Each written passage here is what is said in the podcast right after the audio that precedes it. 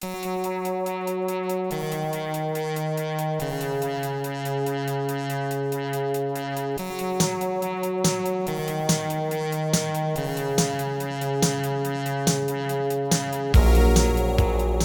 to First Draft with me, Sarah Enni.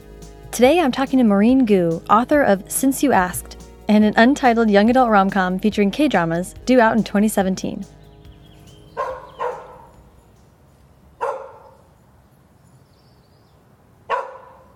Maurene was one of the writers on the welcoming committee when I moved to Los Angeles, and getting to know her over the last year has been a singularly radtastic experience. She's so generous and sweet, and has one of the best laughs around, which comes in handy since Maurene and her books are actual LOL funny. She invited me over to her adorable house in Eagle Rock, and we watched her two kittens go crazy in the backyard, then settled in to drink some rose and chat as the sun went down, listening to wild parrots out the window. So relax, put on some house slippers, and enjoy.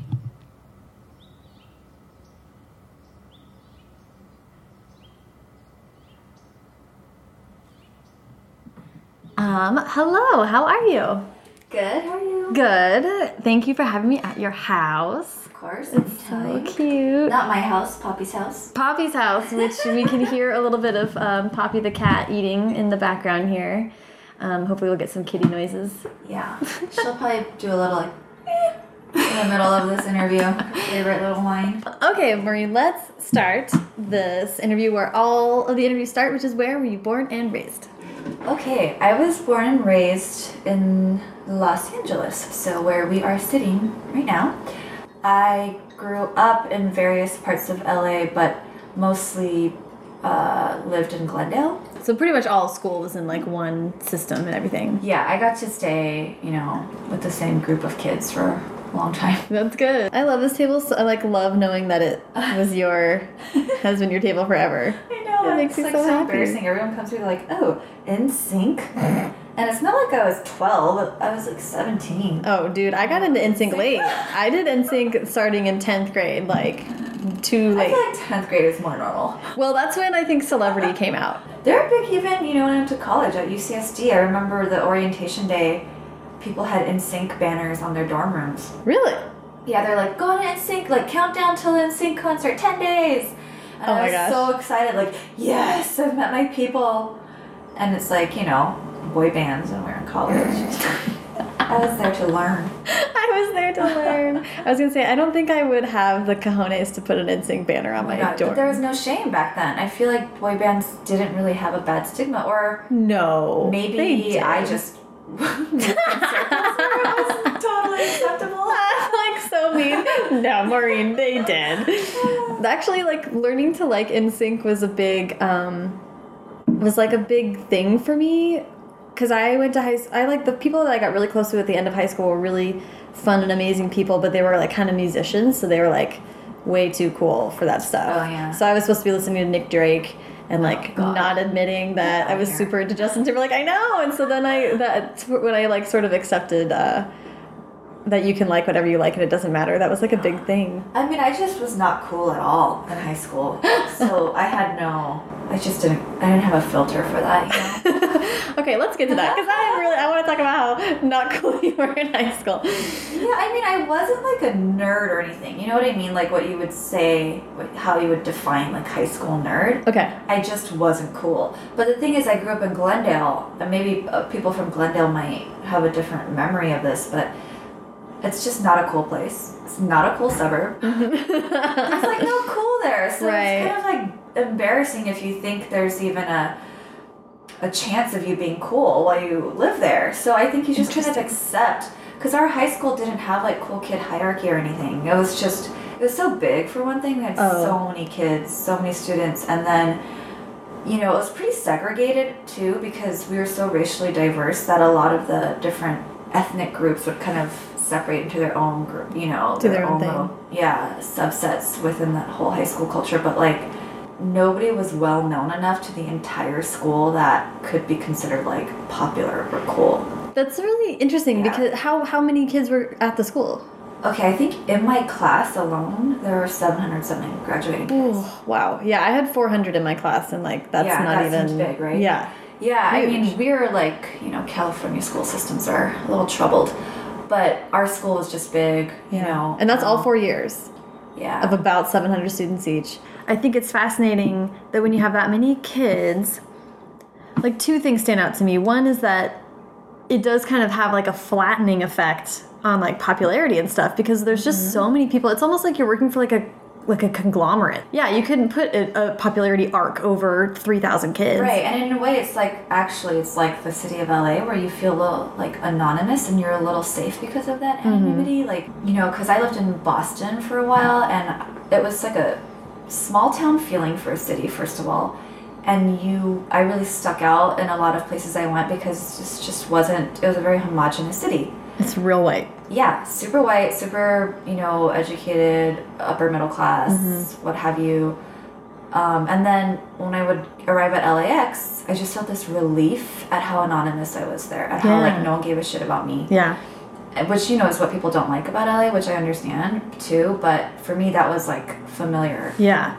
and I didn't like that feeling of people uh, paying attention to certain things about you and judging you. Yeah. And so in a way, I mean, obviously, I'm sure some people had terrible experiences at my high school. Maybe, and there probably people to this day are like, "Oh, I wasn't popular," but I personally just did not feel that. And you know, I would watch movies and TV shows and read books where these high schools existed, and it was just so like foreign to me. To me, it was like an exaggerated version of um, some American high school experience I've never seen before. Interesting. And I mean, I realize now, even writing it, writing YA, it is exaggerated. Obviously, Right. it's like all heightened and a little more dramatic, but um, it was literally like foreign to Yeah. me. Like, ooh, I'm reading about this uh, fantasy land Yeah. called uh, American High School, where so kids like have sex after prom and stuff. Is your camp was your campus outside? Did you eat outside and stuff like that? Yeah. That's a California thing. So it's so funny. I was talking to a friend of mine that I've known for years and years, and sometimes I forget with him that we didn't go to high school together. So at some point he was like, and he went to high school in Washington State. So not like, you know, he's not like a boarding school kid or anything, but he was like, Did you. I said something about, well, you know, when seagulls like crap on your pizza at lunch. And he's like, What are you talking about? I was like, Wait, wait when you eat outside for lunch in the yeah. quad. And he's like, You are not talking about a real experience that I understand. So many of my friends had uh, bird shit on them. Yeah, you're, and you're like, it's good luck, ha ha ha. I'm like, no, I have to go to the It was always bathroom immediately. when it happened. Like for some reason, you just felt ashamed, like that bird picked you. But yeah, definitely outdoor campus. I mean, we we had like one building, you know, that was an indoor-ish building where like you actually have to walk down hallways. Mm-hmm. Yeah, right. But um, Hallways were like a novelty. Yeah, it was so like, what is this? my school didn't even have lockers. no, we didn't either. Yeah. But that's because my school is a little sketchy. yeah, ours were like, well, we're sick of cleaning up the graffiti every year. Oh yeah, graffiti and people lighting them on fire. Oh, and like weapons, intense. tiny weapons. Oh, yeah, So yeah, yeah. I mean, honestly, my high school wasn't that dangerous, but I think there was enough of that kind of stuff that happened in the past yeah. that they're When like, you have 3,000 kids, yeah, I mean, so we just had those like giant backpacks full yes. of all of our dumb books. Yes. So, and the other thing that that strikes me about a humongous high school, which I'm interested to hear what you think about. I thought about this because if, if my family had stayed in Texas, I would have gone to the biggest high school in Texas, which was like, I don't even know. Uh-huh. I'd be scared to know. And my mom and dad were like so nervous for me and kind of happy that we were moving because they were like, well, you never would have gotten onto a sports team. You know, I mean, like they, uh, whatever you could try. Right. But like, it's so hard to be extraordinary or to feel like, or to actually be able to do anything when there's that many people. Like getting a star, being starring in the school play, getting on a sports team, doing any, having any of those experiences so much harder. Well, I mean, that's based on the assumption that everybody at that school is like you, right? Like driven and Well, involved. I Like, guess so. so. Glendale High School, which is where I went to high school, the majority of the kids didn't do shit. Really? Except maybe go to their classes. Yeah, I might be generalizing here, um, but I'm pretty certain because I knew all the kids that were in you know all of the active like okay so i mean i didn't play sports because i was like i hated it so much but um, you know all my friends were on all the sports teams. All my friends were you know yearbook people. They're all the ones that were the top of the class. They're the ones in theater. They're the ones in band. Um, they're the ones in um, a cappella which is like our choir. And for me to know most of the kids that do all those activities Right. you know, it was That's a it- subset in and of yeah, itself. I don't think there was like a lot of competition for that stuff. I do think that my high school, because it was so big, it was really diverse and not just the ethnic ethnic makeup, but like um, you know socioeconomic too. So Yeah. there are a lot of kids who, I'm sure like, were not getting any kind of support from their parents or interest to be involved Or had jobs or- yeah, and a lot of them dropped out. You know, um, Wow. ditch class. So it's like a very interesting. I just feel very uh, lucky to have gone to a high school like that um, because you just met all kinds of people and Yeah. Um, it was. I think it is a very unusual, unusual city too that I grew up in. Okay, but I would love to hear you talk about not being about being not cool. I mean, okay. Oh my god. You know, like I read so much too. yeah. The only thing that I could claim having any kind of like snobbery about as a kid was like my books. Mm-hmm. I really loved. It's like a typical. I just really loved reading a lot. Um, I read everything, like literally. Are your parents readers too? Was it like Um, house full of books? It's very interesting. Uh, So my dad loves to read. He, but he, you know, he's English is his second language. So the English language books he had were like um, paperback, like mysteries. Like he Ooh. loves reading like John Grisham. But like we'd have random classics. Like one of the books that really stick out that I read as a kid and was like, "What is this book?" But I forced myself to read it was the, the Good Earth. oh yeah. Right. I read that for like- school. yeah, just sitting in my house. So that book was always in the house, and then like random books that came with our encyclopedia sets. But my mom like never read, which is hilarious because she was a journalist before she. So my mom just retired and she worked at um, a bank for many many years as like some chief something or other. You know, my mom's really smart and she's good with math. You know, Interesting. When she I sold my journalist. book, she was literally like, she was proud, but she was also just kind of flabbergasted. Like, how did like a child that I gave birth to like actually finish writing a book? I hate reading and writing. So I grew up with books, yes, but it wasn't like I had these like NPR par- parents that had all these great works of literature. It was more like um, when I go to school visits, I often talk about this, but I had this third grade teacher, Mrs. Lush, who I really give a lot of credit to for um, instilling this love of reading in me because she had an amazing library in her class. Because I think before third grade, I wasn't much of a reader. Um, but she had all these great books, and I really loved reading them. And she would let any of us borrow them anytime and take them home, and she didn't keep track. You know, she was very generous and sweet.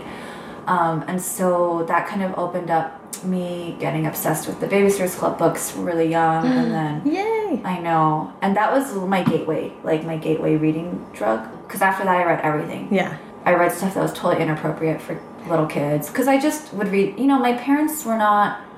They were paying attention, but they weren't. You know. Oh, yeah. They were just Well, happy same. I was reading. They're like, oh, okay, you're reading. It's you know, it could only be good. So I read a lot of stuff I probably wasn't supposed to. But we um, also we've talked. I've talked to a bunch of people on this pot on the podcast about this, but it's interesting because I think, though, of course, every family is different. I think when you're talking about reading as opposed to like watching movies or seeing TV shows that kids aren't ready for, reading is just like you just leave a book and you're like puzzled. Yeah. Because you can self censor so effectively with Yeah. words. You if you don't know a thing, you can't imagine it.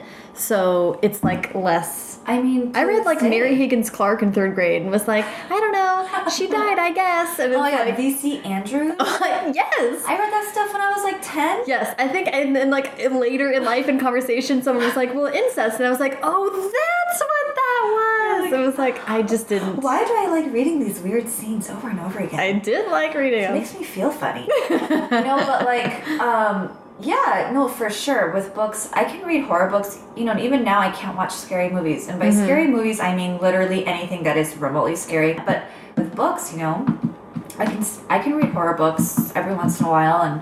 All those like serial killer, um, like uh, Scandinavian murder Oh, yeah, books, right? yeah. Like I can handle those, but yeah, in a visual form, Books can also Yeah, be so- squirreled away and read in your Yeah, room and under the covers.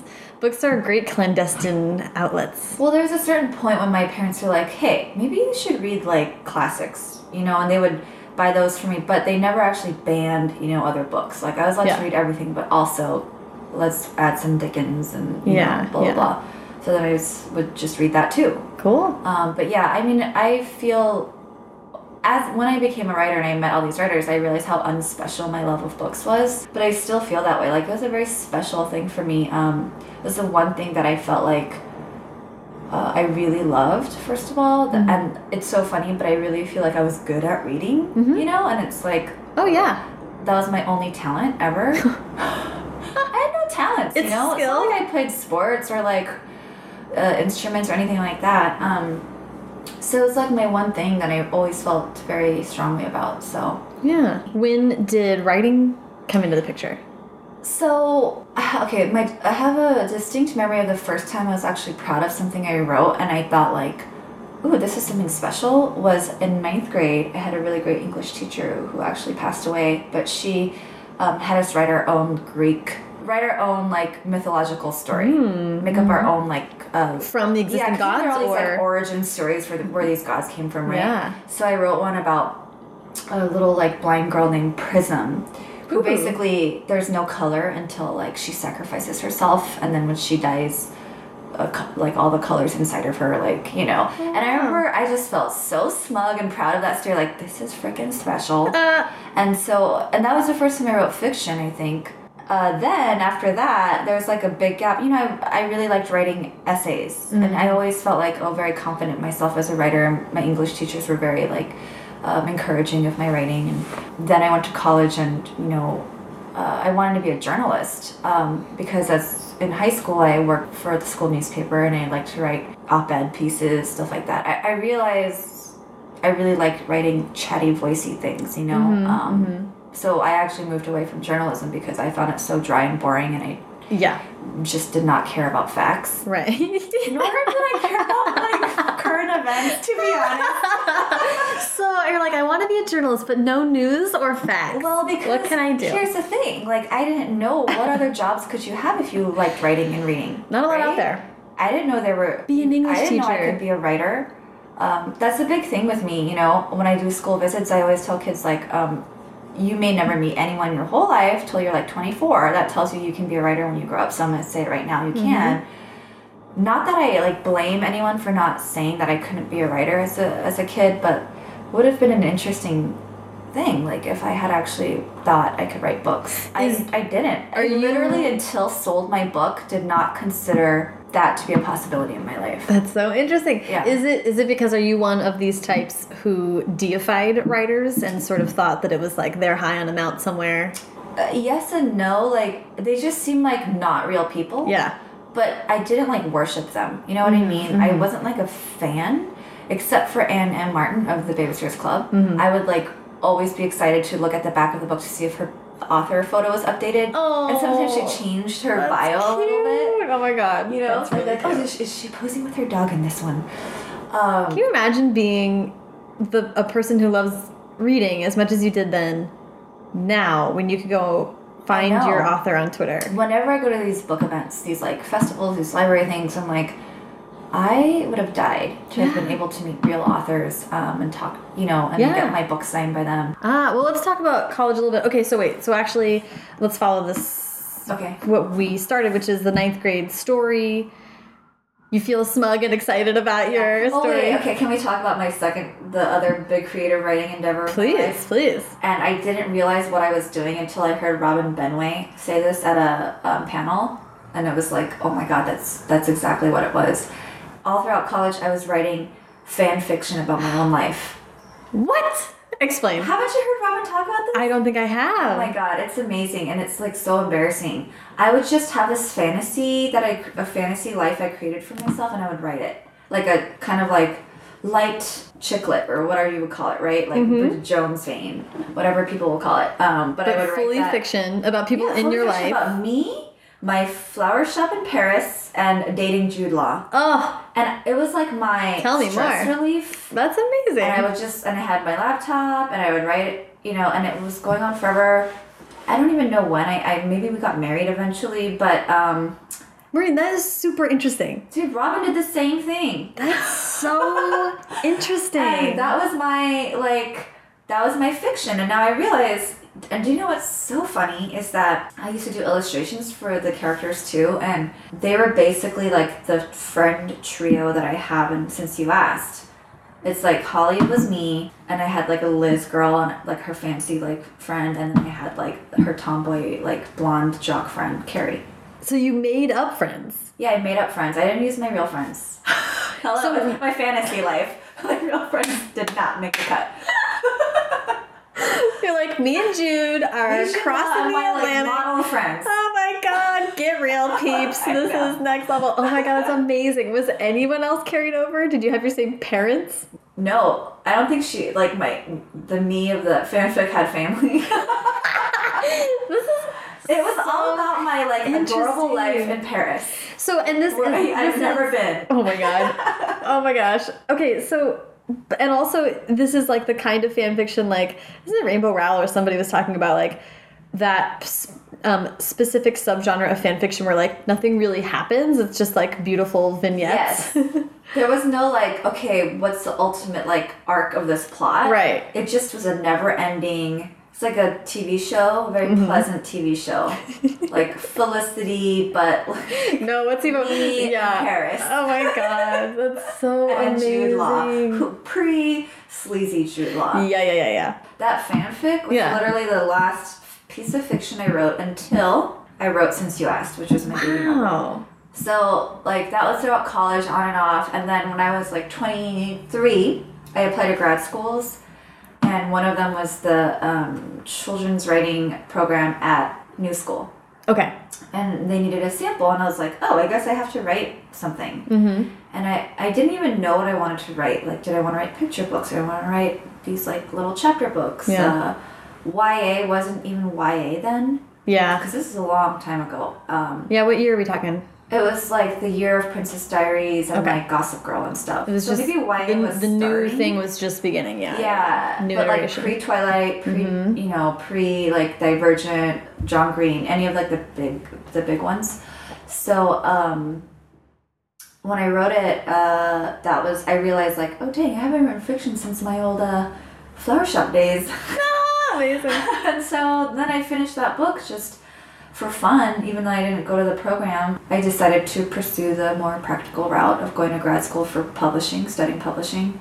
And then um, I finished writing that book for like an independent study I did, which was I made up this independent study class for like, okay, designing and um, designing my book, Mhm. because I'm interested in design editing my own book, so like kind of learning how to edit, Yeah. and then uh, finishing writing it. So it was like I wanted to play all the parts in the you know publishing world. Yeah. And then when I finished it, my friend, who at the time was a graphic novelist, wanted to read it and she liked it. And then she said, "Hey, can I show this to my agent?" And I was like, um, "Okay." And uh, then she said, "Hey, my agent likes it. She wants to talk to you." And I was like, "What? Okay." And literally, like I said, I didn't believe anything or even had any hopes of it being published. Yeah. I was just appreciative that somebody liked it the whole time. Even when she's like, "Can I show it to my agent?" You had no thought of like what I was very could flattered, come. like, "Oh, that's nice." yeah. But I didn't know any published authors, first of all. Mm-hmm. It was after grad school, and the only people that were published that I knew, they're all of my friends are like illustrators, and because my husband's an illustrator, they all do graphic novels, Mm-hmm. and were pretty successful.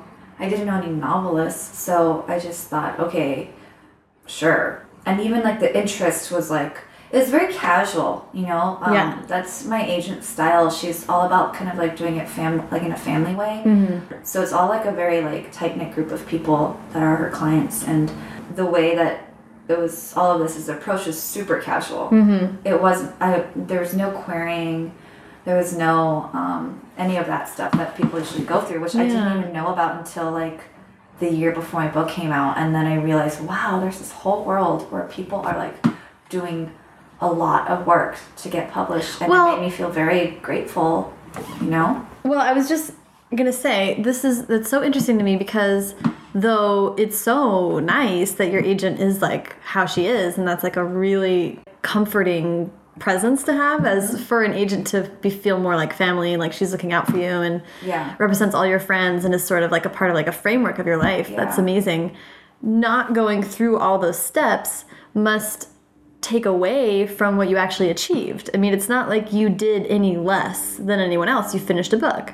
But you don't get to do the like I sent a hundred Yeah. query letters and somehow not having the angst. Yeah, I've never looked at it that way, but you are kind of right because all these like milestones that people seem to um, celebrate in this publishing journey, I didn't celebrate most of them. I Right. celebrated even when I sold my book, it was kind of this like, oh yay!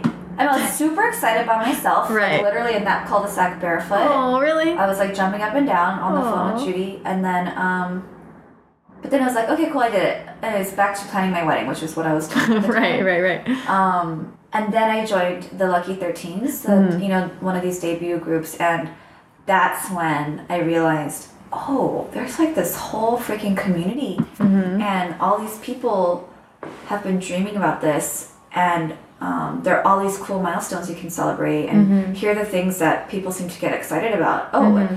oh, your cover release is like a big deal.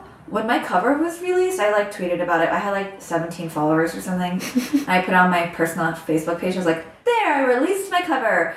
You know, and then I realized, oh shit, this is like a big thing you're supposed to do. and you know, I was also a scholastic and um, it was also a cozy feeling there. You Yeah. know, so it wasn't like this big I don't know. I, I, f- I feel like I had a very different experience from a lot of people with this YA stuff. Um, It's like nice that it was casual, but it does sort of mean that you coasted by. Yeah, there are a few things I'm like, oh, it's kind of like missing out on your sweet 16 birthday. Like, oh, I should have celebrated that. But I do feel like, you know, um, in a way, a lot of that puts a lot of pressure on you as this debut, and you have all these crazy expectations. Mm-hmm. I had zero expectations, and to me, that has saved me, and it still saves me from a lot of anxieties that a lot of writers have. I just, I have way more pressure on myself now with my second book coming out, but I don't have these grand and I don't think it's bad to have them. Everyone should dream big if they want, you know, but I just don't that's not what I've been shooting for. Mm-hmm. I've been very grateful to have people like my books. I'm grateful anybody wants to read them Mm-hmm. And I just want to keep writing them. Yeah, You yeah, know, yeah. have that opportunity and I really feel that way. I would love it if a bazillion people liked it. If Right. somebody wanted to make a movie, obviously I'm not going to complain. I just don't to work hard for that goal doesn't make sense for me Mhm, and the kind of books I write. So so in that way, because I didn't do the big celebrations and the big like build ups, like I didn't have I wasn't crushed like a lot of people were when they didn't make the Right. you know New York Times bestseller list, which to me I'm like, oh, real people are on that list. Like, okay, Yeah, yeah, yeah. oh, it's a goal you guys have? Dang. It would stress me out to think that way. But more power to you if you can like harness your energies and make that happen Mm-hmm. and have that hustle. Like, that's your dream, then cool, you know? Like, I will never like criticize you for that. Um, it's just very exhausting to me to think Yeah. that way. Yeah. Because even writing a book is exhausting. Yeah, yeah, yeah, You yeah. know? Well, okay, there's a few things that I want to try not to coast over too much. Art being one. art was definitely more it just it was like a more accessible idea you know like i just as a creative outlet Yeah. it was very it was always there i always knew about it Mhm. for some reason writing wasn't What was your medium? What, what, how did, what did you like to do? I mean i'm i was never like professional enough to have an, a medium i just always like to draw Mhm. um even in high school i did like comics but they're not really comics because i didn't know what i was doing but i was like drawing stories Yeah. um, again three girls Yeah, yeah, yeah. and they look exactly like how I imagine the girls from Since You Asked to be. Aw. Um, you know, I just like to draw. I like to draw people in particular. I like to draw objects, um, but I never honed in on that skill. Because I actually did some of that too. And like looking back, it's so funny to be like, they're not comics the way that there's no panels, there was no, you know, it was like Yeah, Random here. Drawings. drawings. Yeah. of But there were- talking and stuff. Yeah, they were talking, they were interacting, there were stories. Like it was actually how a, a pen pal friend of mine and I communicated a lot of the time as we were co-drawing these comics. And like super fun and kind of silly. And looking back, I'm like, wow, that was like for sure telling a story in this way. And then the fan fiction you were writing, I mean, you're you clearly were stretching that muscle with that stuff. Practicing narrative and Yeah. I didn't, and that's so funny. Like, I never thought of it that way. I thought, I've never written a book. This is my first time telling a story, you know, since you asked. Mhm. And it's not true, you know? But I just don't, I guess I don't look at everything I did as a kid that preciously. I know Oh, that yeah, sounds really kind of bitchy of me, but like, I just don't look at childhood creative me and think I was like a little genius, like just telling stories, like, oh, so much potential in you. it is still so much learning for me, you know? I'm been doing this now for several years and I feel very behind in learning how to write. Really?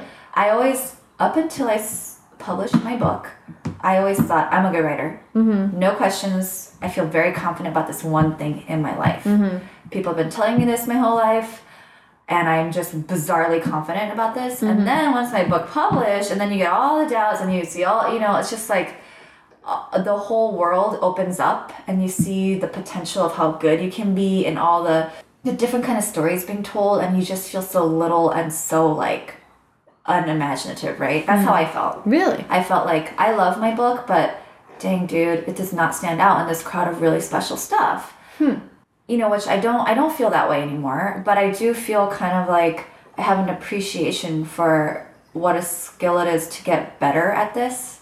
I always didn't think there was that much room for improvement, which is so freaking like arrogant. But now I realize it's like the sky's the limit for how much better I could be, and that's like very uh, encouraging for me in a way um, because then you you always think you can do better the next time but then at the same time it's very debilitating. You're like forget it. I'm not going to be that good. Like i have like a ceiling with this. Like i'm Really? you know i sometimes feel that way.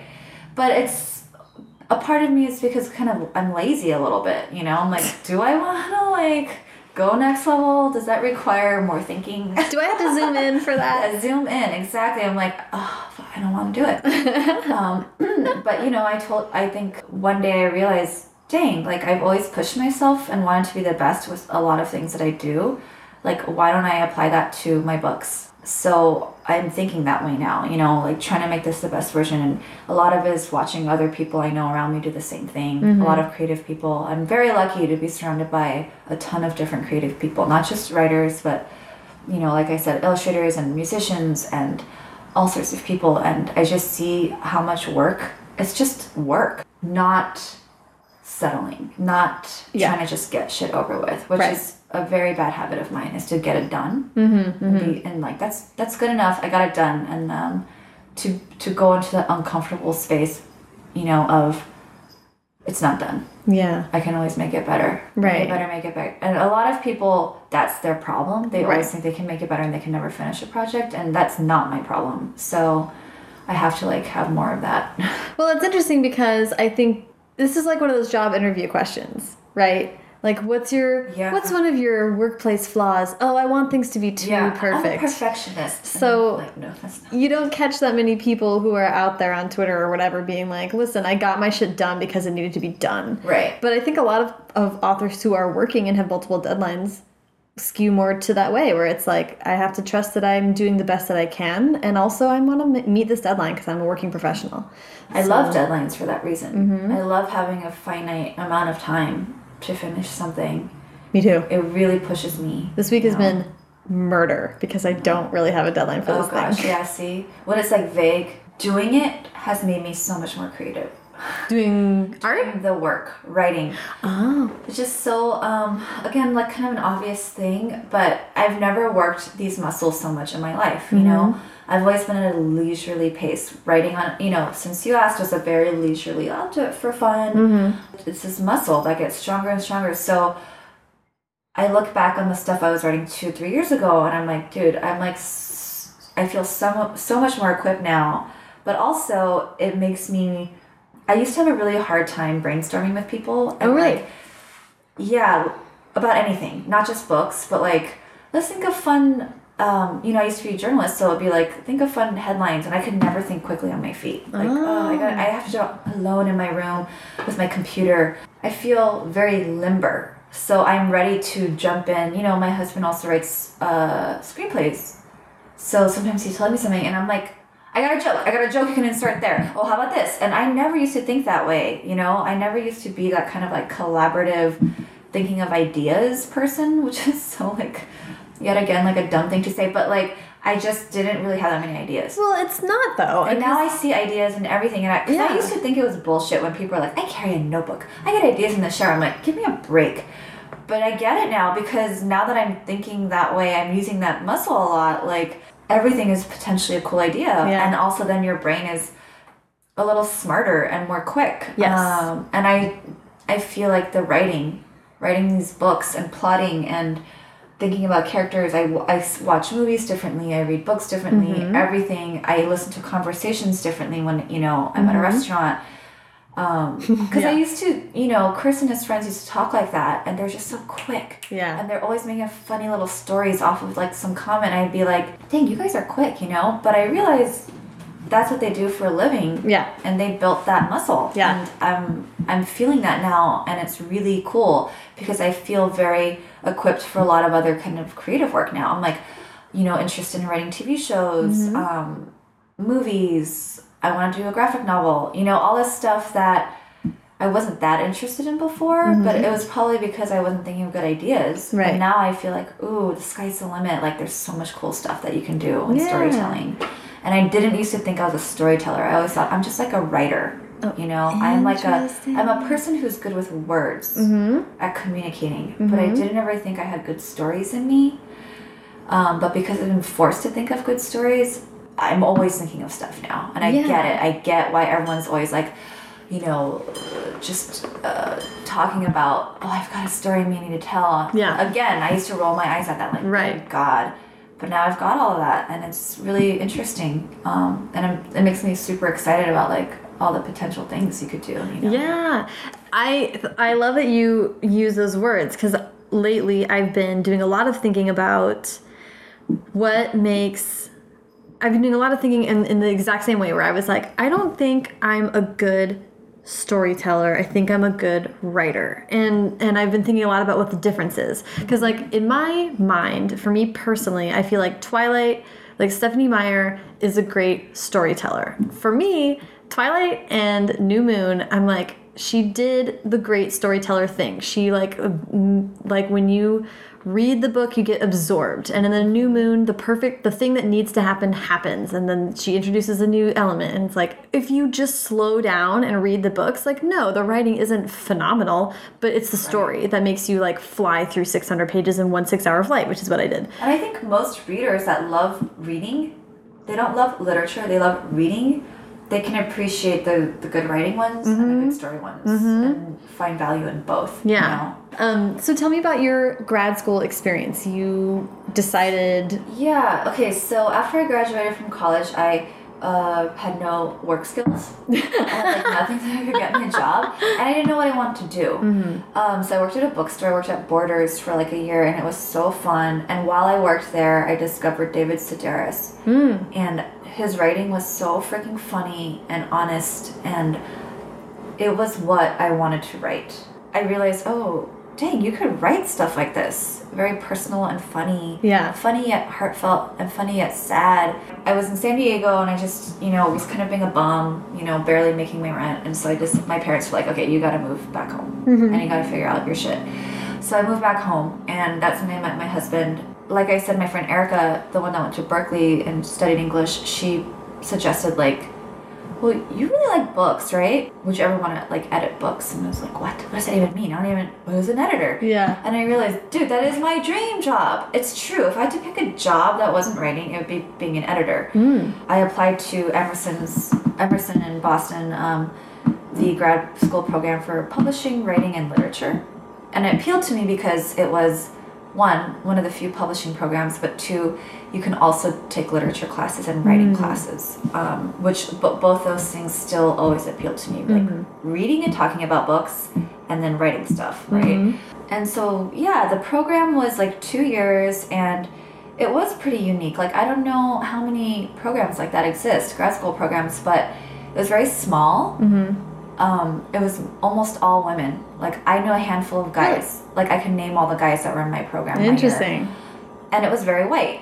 And so was the MFA program because the MFA program and the, and our program were very kind of they overlapped with classes and stuff. So Oh, we kind of like those were the two groups that kind of knew each other, I guess. Um, it was I I can't say anything bad about the program. You know, I the teachers were great. It was very you know they had good classes. I again didn't really focus on book editing. That was so weird. I started taking classes about like alternative journalism. I took column writing classes. Like I was doing all these like weird journalism class things again. I took like all these literature classes for fun and instead of like freaking learning how to edit a book. you know, they're like editing. Yeah. You know, with this teacher I'm like, eh, I'm gonna take uh, column writing or feature writing. Right. Um, and then you know I got exposed to like the world of MFA people, which a lot of them are my friends. So I'm not gonna you know talk smack, but there is a way that MFA people are in Right. their in their literature classes, anyways. And thank God I never had to like take a workshopy class because I would have like blown my brains out. But you know, it was also in those classes that I realized I really love this like column writing format. And so, you know, since you asked, she's a newspaper columnist. Mm-hmm. Yeah. And so the stories start with her little newspaper stories. So And you had done some of that in high school too, right? yeah, it was very natural for me. Yeah. So since you asked, it's a very like natural book for me to write as Mm-hmm. my first book, and it was totally based on my experiences. It's very similar to my high school things lifted from my life, but also you know mostly fiction. So that program, it was very interesting to me. In a weird way, the homogenous nature of Boston and that school was so foreign to me. Right. That it was foreign. And I mean, well, you're in Boston from LA. That's Yeah. as different as you can get. I loved it. You know, I love Boston. It was so pretty. Like, it really appealed to this like book nerd side of me because everybody there, everybody there reads on the subway. There's so many cute little bookstores. There's a very literary heart to the city, um, but it is very uh, traditional. It's very um, old school. Like, it didn't feel creative. You know, it was very beautiful and cozy and had a lot of interesting history and um, i do think cool things are happening there but while i was there it was hard either hard for me to access or i didn't really see it that much so la to me is such a creative city for all of its faults you cannot say that cool shit isn't happening here like every second new stuff you know la is very interesting and i think because la is kind of reflective of what the future of the whole country is going to be like it's going to be super diverse so it made me appreciate LA for one thing. It made me notice weather, which I still do to this day. Yeah. And it, you know, I met a lot of people that are still really good friends of mine, and um, I liked being around people that were very focused and driven on a certain thing. Yeah. Um, taught me a lot. I felt What very. I felt like my eyes were open to to a certain kind of life, and I learned a lot about the publishing industry. You did. So the thing that a lot of writers go through with, in their publishing careers in the beginning, how they're so disappointed by X, Y, and Z. Mm-hmm. They're not great adva- advanced. They're shitty marketing that they get for their book. The fact that they're not a New York Times bestseller. The fact that they have to compromise with their editors. All that stuff was like, I knew that, and I felt very lucky because I had a very realistic view of publishing, and also I told I worked in publishing. So also during my grad school program, I worked at a, textbook publisher. Mm-hmm. So I got to see like the inner workings, even though it's not a fiction. It wasn't fiction. It was like there's so many people working on this book, and it is in the end a product that you have to mm-hmm. sell. Yeah. So I don't romanticize my books as like they're like my heart, my fucking, you know, masterpiece. Yeah. No, I want to sell these books. Yeah, yeah, yeah. I want to make them likable. And I'm always down to like edit. You know, like Mm-hmm. I trust editors a lot. I've heard so many different kinds of writers like so dismissive and like talking down about editors. It- the- like, the immediate- any idea like these a lot of these people are writers, by Yeah. the way. A lot of these people have read every freaking book in the world. Like Mm-hmm. they have skills that you cannot have. I really don't like that attitude of a lot of writers and creative people who think that like people who aren't purely creative in their work don't get it. Right. You Right. know, and they don't they don't have as much respect for them. Drives Right. nuts. Yeah. Especially because part of I do freelance work as you know I do a lot of project management, and it's like the way some of these writers I work with, I could tell they don't think I get it, and it's like, dude, I write books too. Yeah. I Mm. Also know how to answer an email on time. Yeah. You know, These things don't need to be mutually exclusive. Hopefully, that makes me a fun author to work with. well, I, I think you're so right, and I think that the pe people who would denigrate editors, that's such a like emotional response to yes. to an editor's job, which is to tell you where you could be better, and that's really difficult. I think a lot of people are just still so precious. And I get it. I have my Oh, moments. It's yeah. Mm-hmm. not like I'm always like, oh yeah, everything's perfect. I mean, you've heard me. I, you know, if I don't agree with it, I, I'll be pretty stubborn about it. But um, I think overall, I totally respect the whole process. Yeah. You know. Well, you know that the editor's coming in in good faith. I think some people question that, and that's definitely not. Right. And I'm sure there have been nightmare editors for sure, like any other job.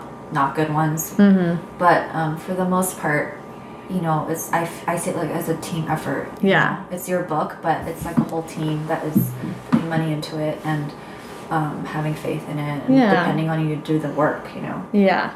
Um, let's talk about the the new book and then um, funny stories. Okay. Um, so I would love to hear you talk about the the still not officially titled K drama book that you have coming out.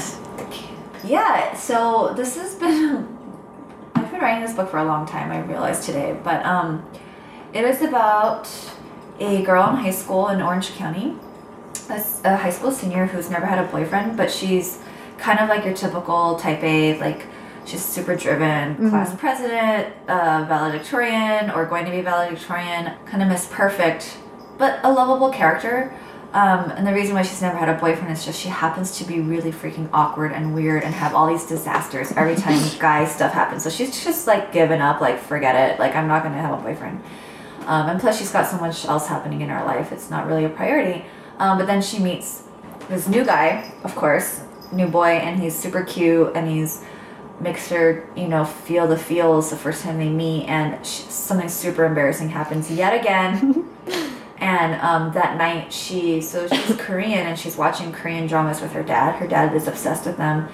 It occurs to her that Korean dramas have all these tropes, right? But you can also look at it as kind of like a formula for a love story because you can have all these like they're almost always the same in these rom-com situations of like it starts off bad, they hate each other, and then all these circumstances, like all these disasters and funny things happen to like make them have to spend time together, and then they learn to love each other, and they get their happy ending, right? So she decides to, like in everything else, study Korean dramas, make a outline of what happens in all of them, and she creates this list of you know the steps to getting true love the K drama way, um, and she follows them like a crazy person. um, and then it's kind of like the hijinks you Yeah. know, that occur kind of predictably whether it will end up good or bad. It is my own homage to Korean dramas, which I, I love and I have loved since I was a kid. I was gonna say, you did you grow up with them? Yeah, I grew up with them and I think most Korean kids feel this way. You kind of make fun of them when you first watch them. You're like, oh my god. And back then they were way more melodramatic in nature, but now they're way they're like super. There's just so many different kinds of Korean dramas Yeah. out there now. You can't even just. It's like telenovelas. Yeah. You know, it, it, just means TV. Yeah, right, right. But it is definitely. I would say what kind of characterizes a K drama is like. There's always a bit of melodrama and tropiness in there. Mm-hmm. Um, Like campiness a little bit. yeah, and it's there. A lot of them are love stories too. So um, I've always wanted to write one. My friends and I always thought we would make our own when we were younger. Um, never did, and so I just thought this would be a really fun way to write YA. Mm-hmm. But I can follow all these K drama like antics. Yeah. And have the excuse of you know the K dramas to like kind of go there with this story. So, Yeah. yeah.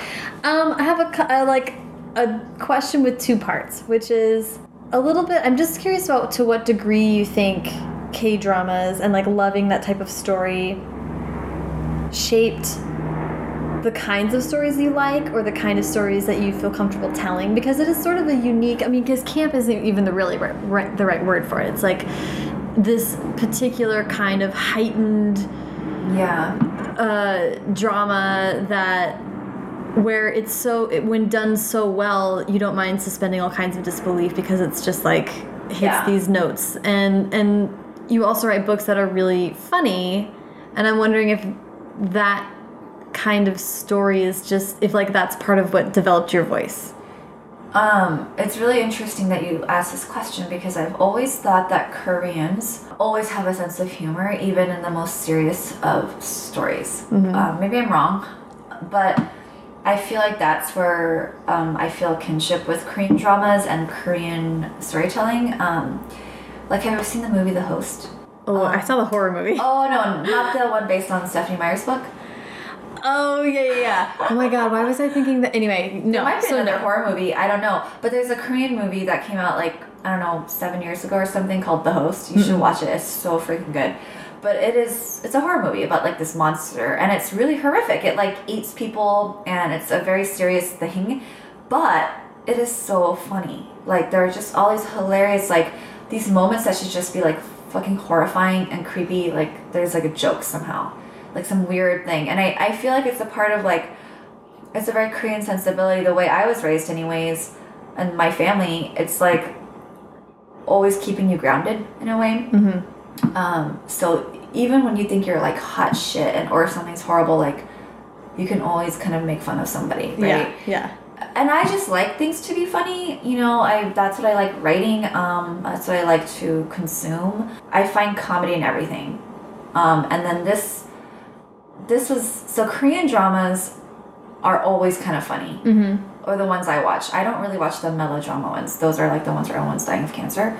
But like the rom coms or like even just the fantasy, um, they are ridiculous to an outsider, right? I think the first time people watch Korean dramas that are not Korean are probably like, what the hell am I watching? but then they grow on you, and what they do really, really well, and that's what it, it was hard for me to do. It, this was the hardest part of writing this book. I realized I had to give so much mad respect to Korean drama writers. It seems like they all write the same shit, and everyone mm-hmm. can make fun of them, right? Like mm-hmm. typical Korean drama tropes. But what they are excellent at doing, the good ones, anyways, are creating these characters that are so, so well developed and so likable and have so much heart mm-hmm. that you cannot, you will follow them anywhere. And um, th- that's why you care about these stories and why you suffer through bad hairstyles and like, oh god, another fucking car accident, you know, um, Yeah. or Jesus Christ, someone like fainted, and you know, there's all, like the stuff that is kind of eye roll inducing. Um, you suffer through all of that, and you're willing to go through that because um, of the characters. Mm-hmm. You really care about them, and you really want, and they're so good at writing romance. Like you, it's so believable, even if it's always about the poor girl and the rich guy. They have chemistry. Um, the actors are so good, and it's just uh it's very masterfully done. Like they are really good at rom coms. Yeah. Like honestly, I don't think that American rom coms can even touch. Like even the best one is nowhere near as good as a pretty good Korean drama rom com. Like, but you know, I can't really compare the two. It's not fair. Korean dramas have like twenty episodes. Right. A rom com, you Right. gotta squeeze it all in two hours. And for sure, you know, think about TV shows like. The best TV shows are these characters that you end up liking, and they don't have to do much anymore for you to just have all this Right. investment. You just know them so well that um, it, they kind of don't even have to write. The story just kind of writes itself with the characters existing. Yep. Um, so I know it's not a fair comparison, but I do find that the rom coms and Korean dramas are just so you feel so many things, you know. Yeah, yeah. And even if it's cheesy, even if you're like so unrealistic, you're willing to go on that ride.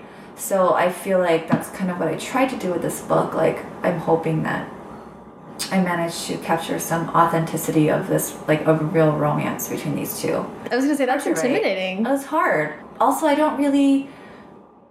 But this was my first time I wrote a romance. I was very. It was so hard. Mm-hmm. I couldn't believe how hard it was. Oh, yeah. to make it believable. And Oh, yeah. I'm like, does anybody care that these two? You know, like that was a big Yeah. thing with when my earlier drafts. Like, I can't tell if you even give a crap about them. like describing that a girl looks across the room we've all had the experience of looking across the room and someone walks in and you're like oh hoochie mama like excuse me who is that we're all saying that right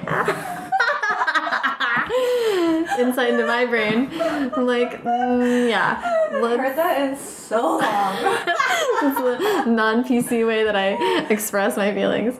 Um, but like writing that, Well, that and that what I discovered was the answer to that with the Korean dramas is, is because you care about the characters. So you have to like really start with the good characters. And I wasn't doing that the first draft of this. It was like because I was kind of stuck on the archetypes, right? Like Yeah.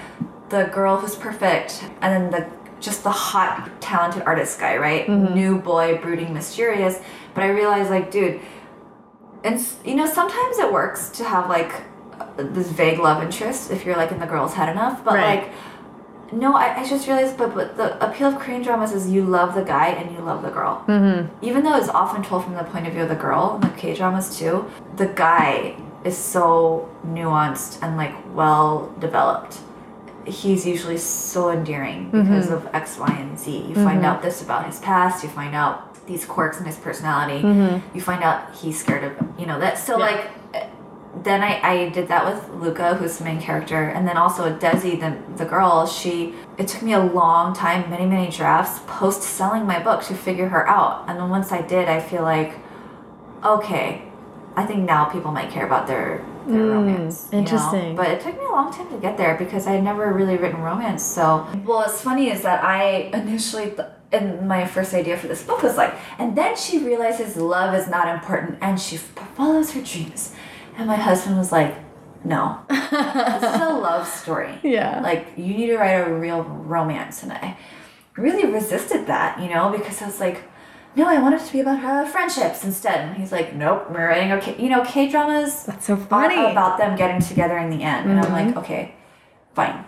And um, I realized, like, oh yeah, that's what I have to do. I have to get them there. And that's way more difficult than having her realize that going to college is more important. You know what I mean? Yeah, It's- yeah, To yeah. me, that's really easy to write. But the to make the want the happy ending so badly is really hard to write. Yeah, Yeah. earnestness.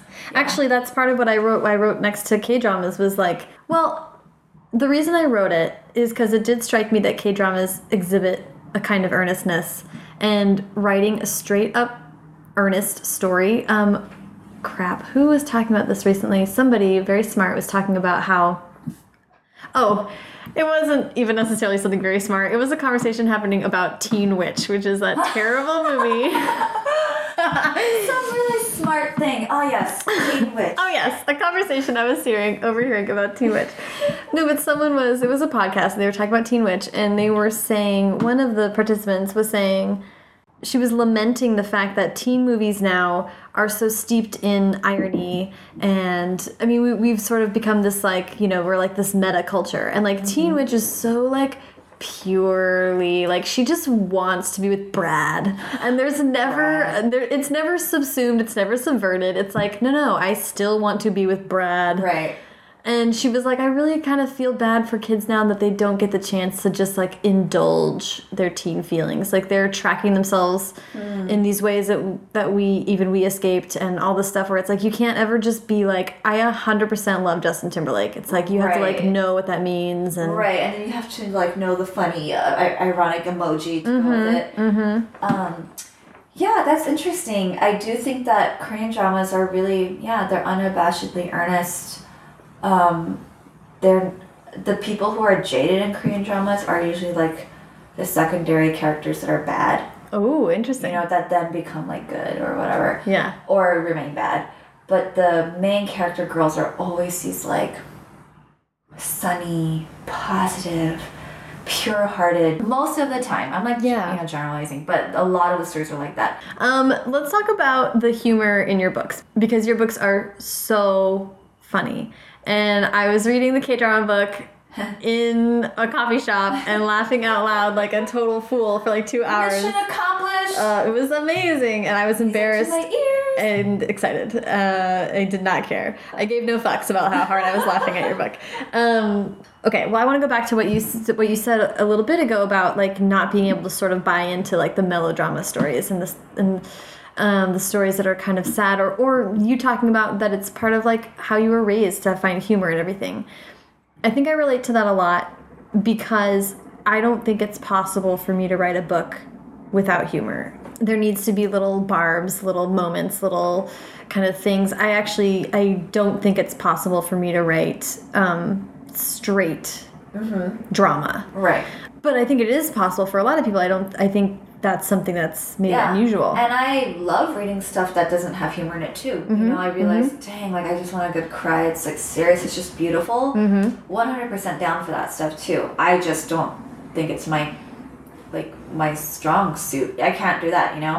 What made me want to write YA was The Princess Diaries by Meg Cabot. Um, so freaking funny. Yeah. That- those are laugh out loud funny. yeah.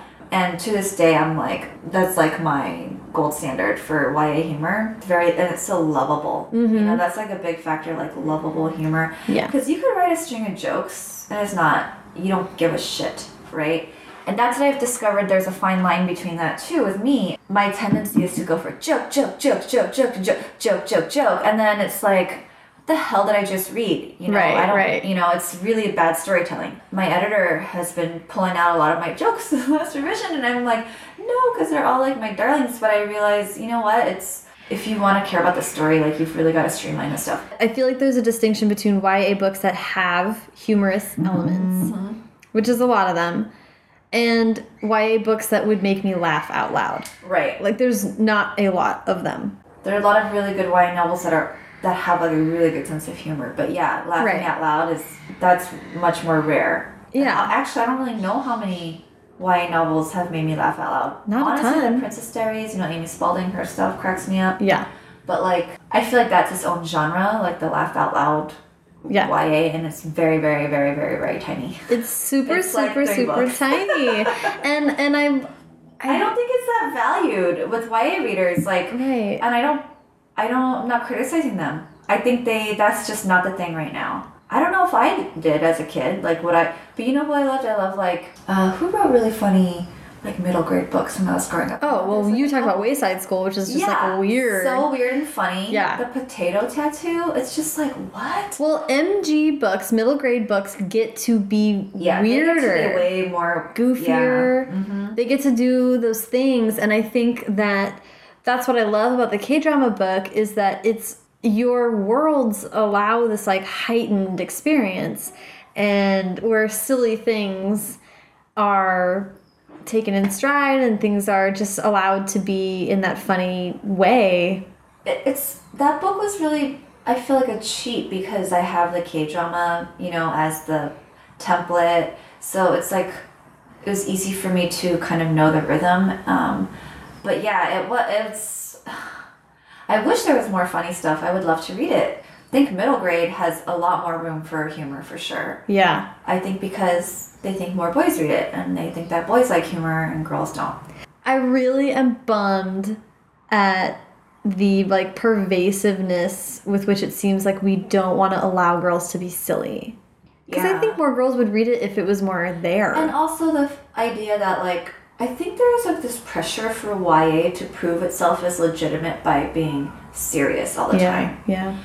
I love good serious YA stuff. I just think that there's this idea that people are always dissing YA and let's make it more serious. There is space for that and I'm really glad it exists for kids who need it. And I think it's fun to read for a lot of people. It's entertaining or, you know, thought provoking, but but there's also space for the silly stuff and not and not to have the silly stuff be dismissed as like just like fluff, useless, not important Yeah. not as good of writing. I don't want to complain about it because I don't want to make it seem like it's just about me and what I like to write, but I do feel like it's fertile ground, you know? It'd be fun to see publishers take a more chance on that or push that. Oh, you know what? So we're wrapping up with writing advice. it's really hard for me because I feel like I also am like a starting writer sometimes. um, what I've heard a lot of people say that I have always agreed with is just to finish your work, just to do it. Honestly, the hardest part of writing 100% for every single writer I know is just to write, to sit there and do it. Mm-hmm. It's not research, it's not thinking of a good idea, it's not editing, it's not writing good characters. It's just like literally writing. Um, so make yourself do it. I mean, it depends on what your goal is, you know, but see it as work a little bit. Like I said, if you don't work out the muscle, like it'll never get stronger. So I really believe just do it a lot. Ah, well, thank you so much, Marie. Yeah, this was so I fun. know. Yay! I think we got a lot of wild um, parrots. I know.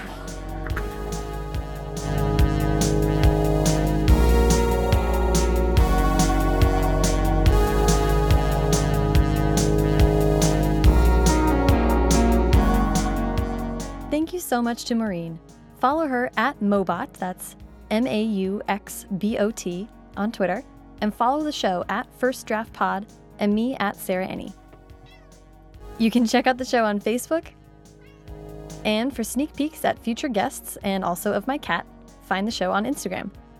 But for links to all the things Maurene and I talked about, and my favorite quotes from this and every other episode, go to www.firstdraftpod.com. Hey, it's April. That means there are a bunch of different events coming up at which you can see me and First Draft doing some cool things. On April 23rd, I will be in Irving, Texas, right near Dallas, at the North Texas Teen Book Festival. The lineup for this festival is completely outrageous.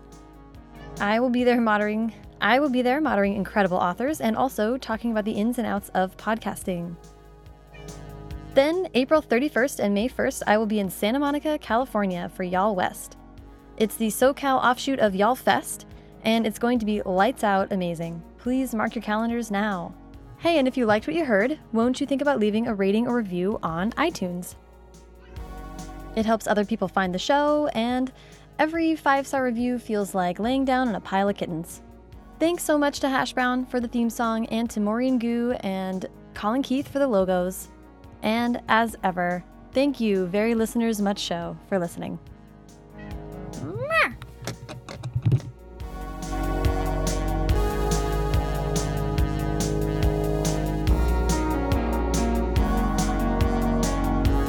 I don't know. He's a grosso. Seem like a walking STD.